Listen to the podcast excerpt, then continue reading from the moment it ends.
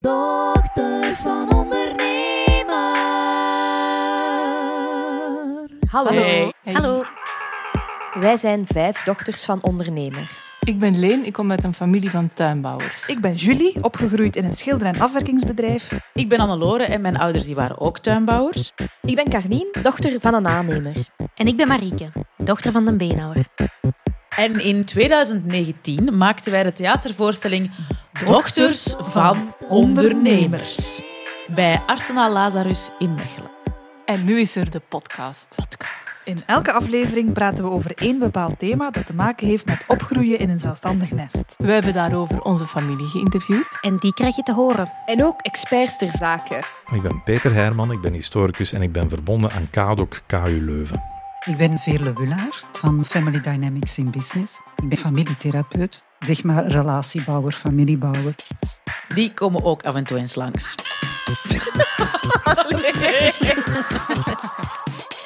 BVBA aan Praas. Een aflevering over samenwerken met uw familie, over roepen, maar ook over de liefde. Ja, het is een gigantisch vooroordeel, maar het wordt eigenlijk wel vaak gezegd. Met familie moet je wandelen, niet handelen. En dit terwijl er eigenlijk eh 70% van de bedrijven in Vlaanderen zijn familiebedrijven. Nu, dat zijn ook verschillende constellaties. Hè. Dat zijn eh, misschien broers of zussen, eh, vader en zonen, eh, moeder en dochters, maar ook koppels. Schoonfamilie. eh, schoonfamilies, kozens en nichten. Ik heb wel nog in de beenhouwerij gewerkt. Dus ik heb wel echt nog actief meegedraaid in zo'n familie als baas. En hoe was dat? Nog ja, ik vond dat eigenlijk wel heel leuk. Ja, je bent samen met je ouders of met familie en je bent samen aan iets bezig. En je ziet die tijden, ook al zijn aan het werken, maar je, je doet iets samen en dat is wel... Ja, dat is eigenlijk wel tof. En ik merk pas achteraf hoe moeilijk ik het dan vind om nu tegen een, een baas of iemand boven mij ja, dan te zeggen, zeg, allee, dat zeg je toch anders? Allee, terwijl dat je dat eigenlijk normaal dan smiddags bij je boken zei, ja, Moeke, dat vond ik toch niet zo tof dat je dat zo zei. Of bij kerst was dat altijd heel druk bij ons, omdat dan echt heel de familie, tantes, onkels, eh, mijn nichten poetsten in de winkel. Dus ja, dat is wel zo'n samending, er is veel energie en je, je skipt zoveel dingen. Je kunt gewoon even zeggen, tante Anne, kun jij dat doen? Geef me dat eens aan. Terwijl ik misschien in een andere situatie... Is het oké als ik ehm, nu dit ehm, daar ga zetten? En iedereen zit op dezelfde drive. En je weet dat dat dezelfde drive is, want je doet dat al jaren samen. En iedereen weet wat dat werk nog is en, en hoe lang die, die feestdagen gaan duren. En hoe... Ja, het werk moet af en, en, en die schotels moeten er zo uitzien. En, en... Dat is zo schoon. Ik heb zo in die voorbereiding hier even zo een paar woorden opgeschreven. Zo, wat maakt dat nu zo krachtig of zoiets? En ik heb opgeschreven het energie, het aanvoelen, het geolied team dat zeer veel van elkaar verdraagt. Ja, wow, dat waren ja. zo die, en jij beschrijft dat nu, dan denk je, ah, dat is echt dat. Ja. Je kunt wel maken omdat je hebt een energie, je voelt elkaar aan en je, dat, moet vooruit gaan en dat is gewoon heel geolied. ja. En je kunt ook gewoon een beetje kort zijn en daarna eten een boterham is dat in orde. Wij kunnen niet samen op een bureau werken. Ga doet dat en ik doe dat. En die doet het dan Want, 100 hè. eh, samen, echt samenwerken is heel moeilijk. Hè, als gelijkwaardige partners in alles, hè, Ja. zowel in offertes maken als, als, je- als we dat hadden moeten doen, dan had het niet lang geduurd. Nee. Eh, Dat dan elkaar 50%. sterktes in kunnen schatten en daar dan Ja, Nee, en dan valideren. Maar gewoon ook wat niet met tweeën naar de uitzichten bij, ook. hè. Je werkt samen naar een doel. En je weet, jij bent sterk in dat en dat en dat. En ik ben sterk in dat en dat en dat. En samen gaan we dat doel bereiken. Ja. Omdat we allebei al die punten die, die nodig zijn om dat doel te bereiken, omdat we dat elk op zich wel die aparte punten kunnen Ik denk invullen en dat doel een, kunnen voor een bereiken. relatie wel heel goed dat je dat zo samen doet en dat altijd doelen. Je kent elkaar zwaktes en ook zo goed elkaar sterktes. Dus ja, waarom blijft dat werken, een koppel in een zaak? Allee, een buitenstaander denkt, allee, dat zou ik niet kunnen. Ze. Dat heeft mijn moeder vaak moeten horen. Dat zou ik niet kunnen, ze, met mijn man. Oh. Maar ja. waarom gaat dat dan wel? Of zo? En keigoed. Dat is toch prachtig? Ik zie die dat in alles doen. Hè. We kiezen een project samen en eh, we spreken zo wat af. Wie doet er wat, wie, doet dat, wie doet dat. En ehm, gaan, hè. Veerle Willaert heeft het daar ook over. Veerle dat is een therapeute die vaak werkt met familiebedrijven. Er is onderzoek, dat ga ik eerst vertellen, van uh, Isabelle uh, Le Breton-Miller. En die heeft onderzoek gedaan naar het verschil in het leiden van een bedrijf tussen bloedverwanten en koppels. En daaruit is gebleken dat uh, koppels eigenlijk op een aantal terreinen uh, beter scoren dan bloedverwanten. Welke terreinen zijn dat? Dan gaat dat over, vaak over uh, personeelsbeleid, sneller beslissingen kunnen nemen. Het gaat wel over koppels die in het onderzoek, hè, die moeten gehuwd zijn, minstens vijf jaar gehuwd en samen in het bedrijf werken. Dat heeft te maken met um, een koppel heeft elkaar ooit al eens gekozen. Ze hebben al eens bij elkaar gesolliciteerd. Dus je kent mekaars kwaliteiten, valkuilen en uitdagingen. En je hebt waarschijnlijk in je relatie ook al wel gewerkt aan die handleiding. Je zit natuurlijk samen te werken als koppel voor een inkomen voor uw gezin. En ja, je komt blijkbaar sneller tot beslissingen. Hoe zou dat komen? Ja, je bespreekt die dingen op het werk, maar, maar soms ook wel thuis. En ja, die lijn is ook korter. Hè? Er zijn ook minder personen betrokken. Als je in een familiebedrijf zit, dan zijn daar verschillende familieleden, maar soms ook nog familie thuis. Maar dat is wat ik zeg, hè? dat is mijn interpretatie. Hè? Maak het wel allemaal niet makkelijk, hè? want we moeten nu ook niet doen vind nee. ik. Voilà, ik ga even, ik wil, oh. deze quote er even ja? Voilà. Als je op een kantoor werkt, dan zegt hij een bal ook tegen, die, tegen, tegen, tegen iemand die zegt, wat heb je gedaan? Hè? Dat is, het is ja, ja, maar die, maken, die roepen dat. Nee, en ja, dat is, dat is natuurlijk wel het verschil. Ja. Als je aan positie werknemers en, en werkgevers zit, er wordt minder geroepen uh, tegenover bij ons.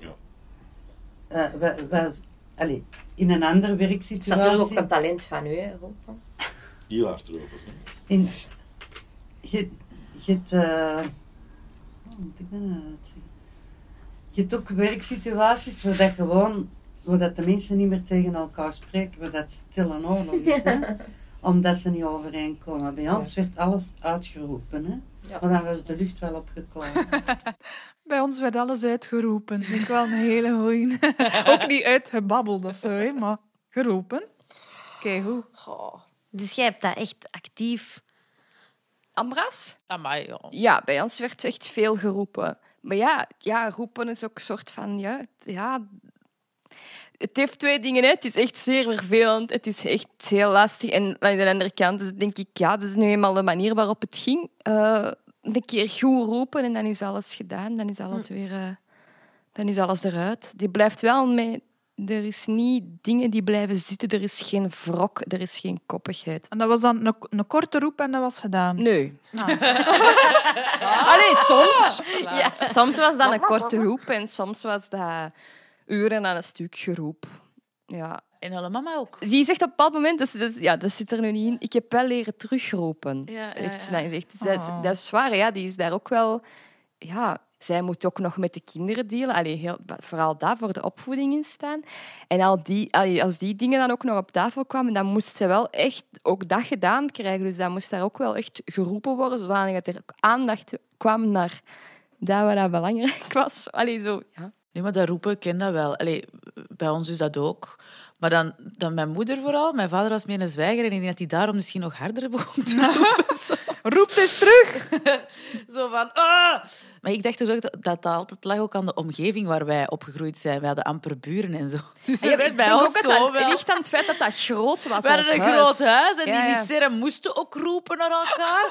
Alleen gewoon om verstaanbaar te zijn. En op de bouw roepte ook Ah, veel ja. naar elkaar. Hè. Dat is, dat, nee, ja. En dat was ook nog niet een tijd van de gsm dat je even belde of een berichtje stuurt, kom de Nee, dat was tijd- roepen, kom eten! En in de tijd van de bieper dachten we dat dat misschien wat ging minderen, maar dat was dan toch ook niet.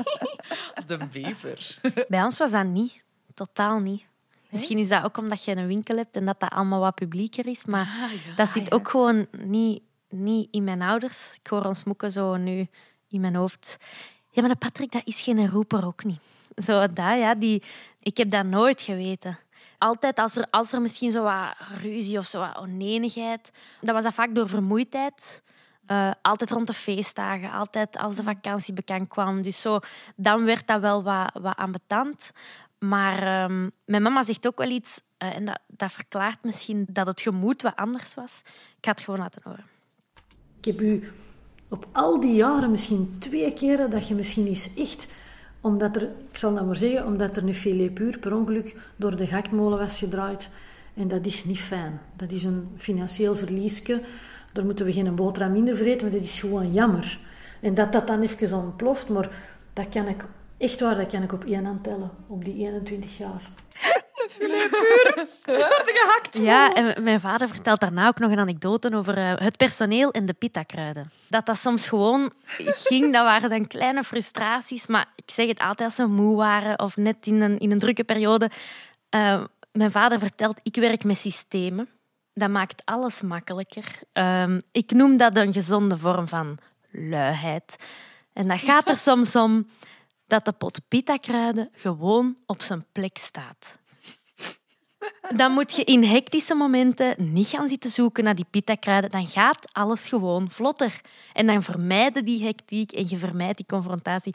En dat was wel zo. In de, daar stond hij heel hard op. En als het dan zoiets oneenigheid was tussen personeel of mijn ouders, of, ehm, dan was dat om zoiets onnozel.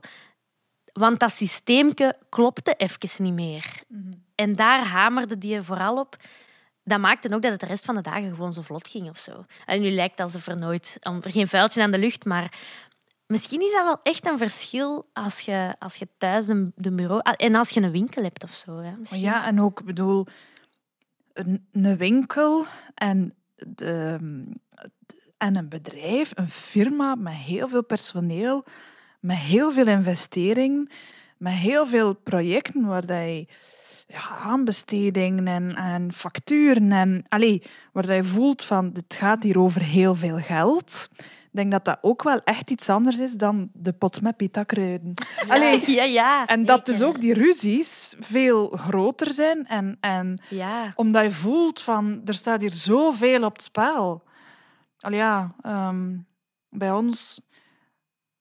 Ja, ik herinner mij ook wel geroep. Eh, ehm, en, en ik die nog in, in de keuken zit op een stoel ehm, naar de televisie te kijken en al de anderen die allemaal in de living staan en allemaal ja, staan te discussiëren en, en roepen en, en de deur die dicht blijft. Ehm, ja. Ja. Maar ja, ik weet dan ook niet over wat dat gaat of zo. Hè. Maar ik weet wel dat ik, als ik het woord offerte vandaag de dag hoor, gaat er wel zo'n kleine rilling over mijn ruggengraat. Omdat ik voel van... Oh, dat ging altijd over die offertes. Dat lag vaak op tafel. Zo de... Godver, die offerte. Ja, zo. dat is zo'n woord dat ik niet meer kan horen. Ik wil dat echt heel hard beamen. Het is inderdaad zo, vanaf het moment dat er ehm, meer zorgen zijn, en dat je ook zei dat dat gaat over zo'n grote bedragen, want de filipuur, dat zal maar een heel klein bedragje zijn. Daar moesten wij geen boterham minder voor Nee, eten. Zo. Maar, wij, ja, maar met, met mijn ouders, ja, dat ging over miljoenen, hè, vaak. Oh, dus ja, niet moeilijk dat je soms zot wordt en niet anders kunt dan je stem verheffen. Toch denk ik dat er evengoed beenhouwers zijn die echt door het lint gaan door die filet puur. zo. Dat kan ik me voorstellen, ja. Ja, maar de Patrick, dat is geen roeper.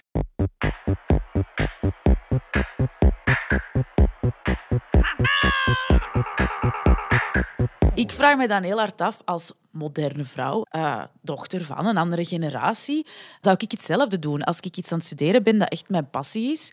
Ehm, en mijn lief had al gekozen om een bedrijf te beginnen, of dat ik dat dan zou opgeven en mee in dat bedrijf zou stappen.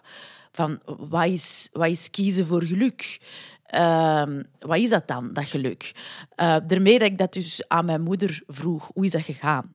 Ik wist ook wel, als ik er een tijd mee samen was, dat dat ging over nieren zijn. Had ik toen gezegd, ik ga een les geven, ik ga dat niet mee in de serre, dat had niet gekunnen.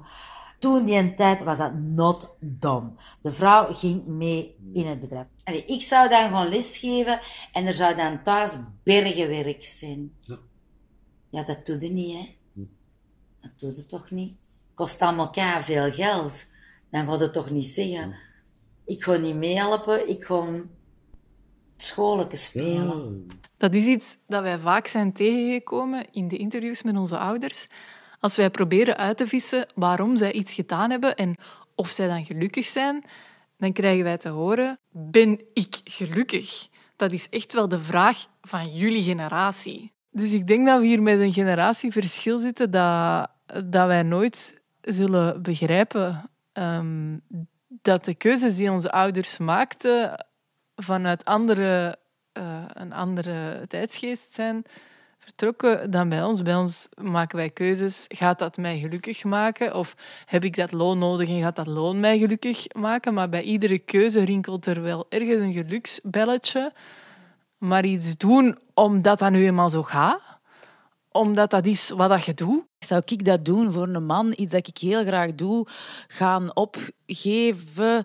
Uh, maar ik denk dat dat inderdaad een tijdskwestie is. Wat mijn moeder ook zegt, in die tijd was dat not done dan zeg je, oké, ik doe dat en dan smijt ik mij daarvoor. Ja, mijn mama die heeft wel nog tien jaar eerst haar eigen beroep gedaan, dus in de toerismesector.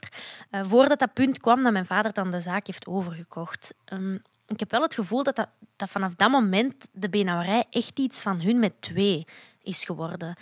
Achteraf beschouwd zegt ze er zelf ook wel over. Ja, dat is zo raar dat dat zo vanzelfsprekend was dat ik mee in die zaak uh, ben gestapt. Want dat is eigenlijk helemaal niet zo vanzelfsprekend. Nee, eigenlijk helemaal niet. Hè? Nee. Maar ik denk wel dat mijn ouders hebben nagedacht over... Um, gaat dit ons gelukkig maken? Hm. Want er was zowel het ding van... We weten dat dat dat iets is dat wij kunnen, dat wij goed gaan doen, dat ons geld gaat brengen. Dus iets dat we goed kunnen is dan een soort van gelukskwestie. Het geld is een gelukskwestie. En als dat goed gaat draaien, gaat dat ook nog iets opleveren voor de toekomst, voor onze kinderen. Dat is dus ook een gelukskwestie. En ik denk trouwens wel bij ons ook dat het geen optie was geweest als mijn moeder niet mee in het bedrijf was gestapt. Ah, ja, dat is, ja, dat is nog iets anders. En zou het niet zonder uw moeder gedaan hebben? Misschien wel, maar dat weet ik niet, omdat die relatie overleefd zou. Ja. Als mijn vader alleen een bedrijf had, had, had die relatie misschien niet overleven. Want het is ook wel, door het feit dat die met twee daarin zitten, begrijpen die ook wel echt met twee waar het helemaal over gaat. En waar het allemaal zo van afhangt. Omdat het toch iets heel ingrijpends in je leven is, een eigen bedrijf. Want mijn moeder ook, die was trots en fier dat hij dat had. Hè, ook. Allee, die was niet, die, ik zie die ook wel als een sterke vrouw, niet als, als een sloef van mijn vader die een keuze heeft gemaakt. Helemaal niet. Want uiteindelijk deden die dat wel samen. Hè. Want dat zei, zei een tante van mij, van, amai, jij bent meer overniersvrouw misschien wel dan, dan degene die ik nog ken. Omdat mijn moeder voor het slapen gaan soms ook naar de serie ging en alles ging kijken. En oh ja, allee, dus, ja, er zit ook wel een passie, die groeit wel of zo. Vaak hoor ik kinderen zeggen van ons moeder verdient een standbeeld. Zo. Dat hoor ik kinderen vaak zeggen. Dat is echt een uitspraak die dikwijls naar voren komt als het gaat over een ondernemend koppel. Dat is ook zo. Ik wil een goede vrouw zijn, ik wil een goede minnaar, alleen minnares zijn, ik wil een goede partner zijn, ik wil een goede moeder zijn, ik wil een goede dochter zijn.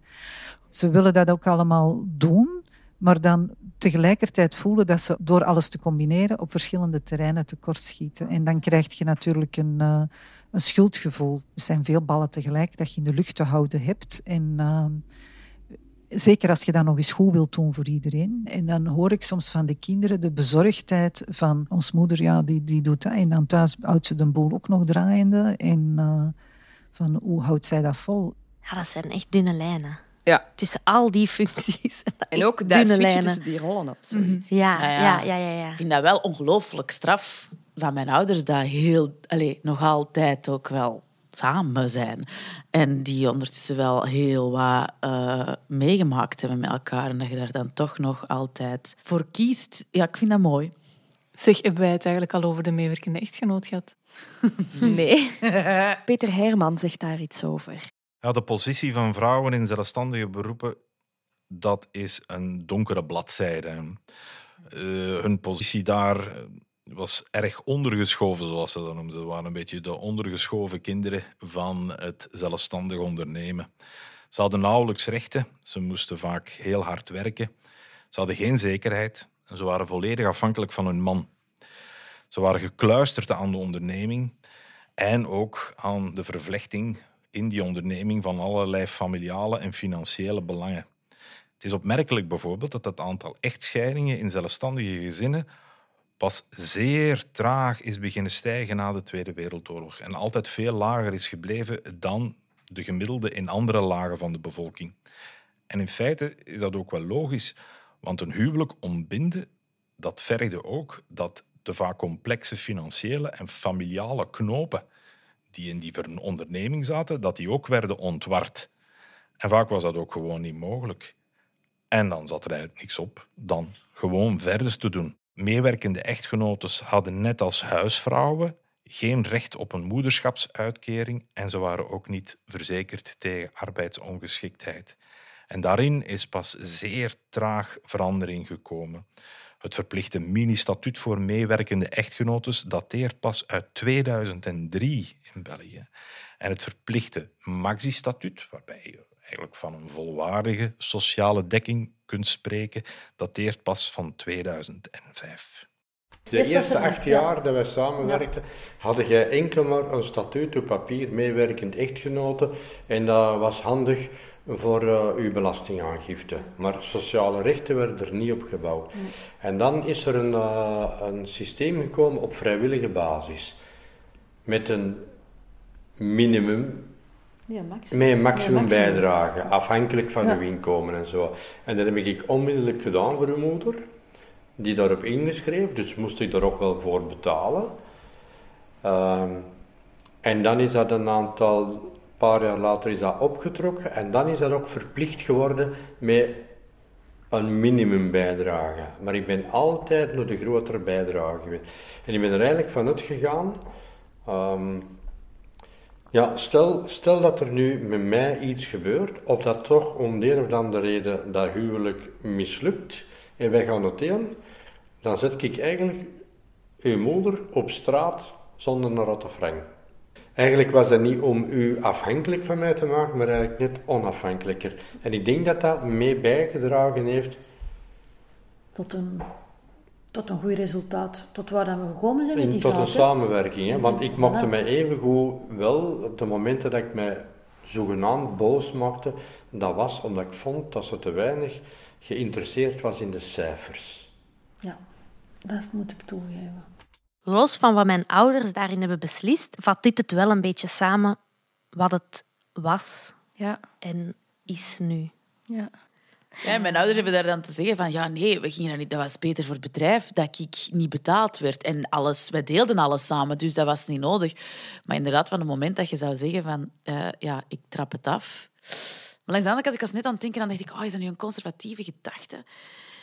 Het is ook wel ergens schoon dat je zo gelooft in dat project van, van jullie twee, in dat project die relatie, in dat project eh, dat bedrijf, dat je daarvoor kiest om dat samen te doen.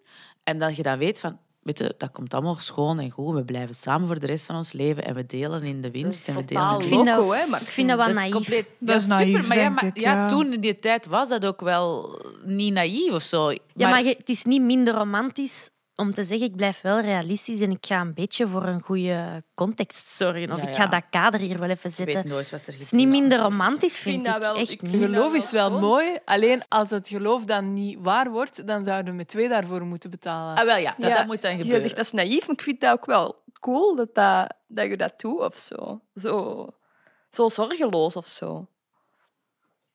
Ja. Of totaal geschift. Dat was in die tijd zo, Carlientje. Dat was zo, hè. Er wordt hier vrij idyllisch gepraat over samenwerken met uw familie en uw partner, maar is er iemand van jullie die dat dan nu doet? Nee. Nee. Ik ook niet. Dochters van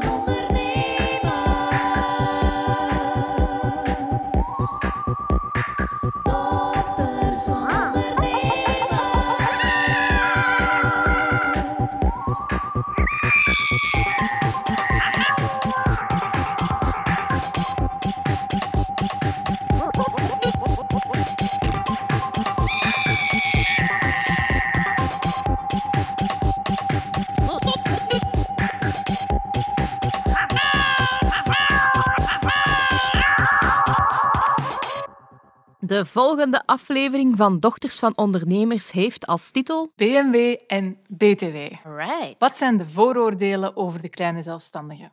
Waar ligt hun schaamte en waar hun echte trots?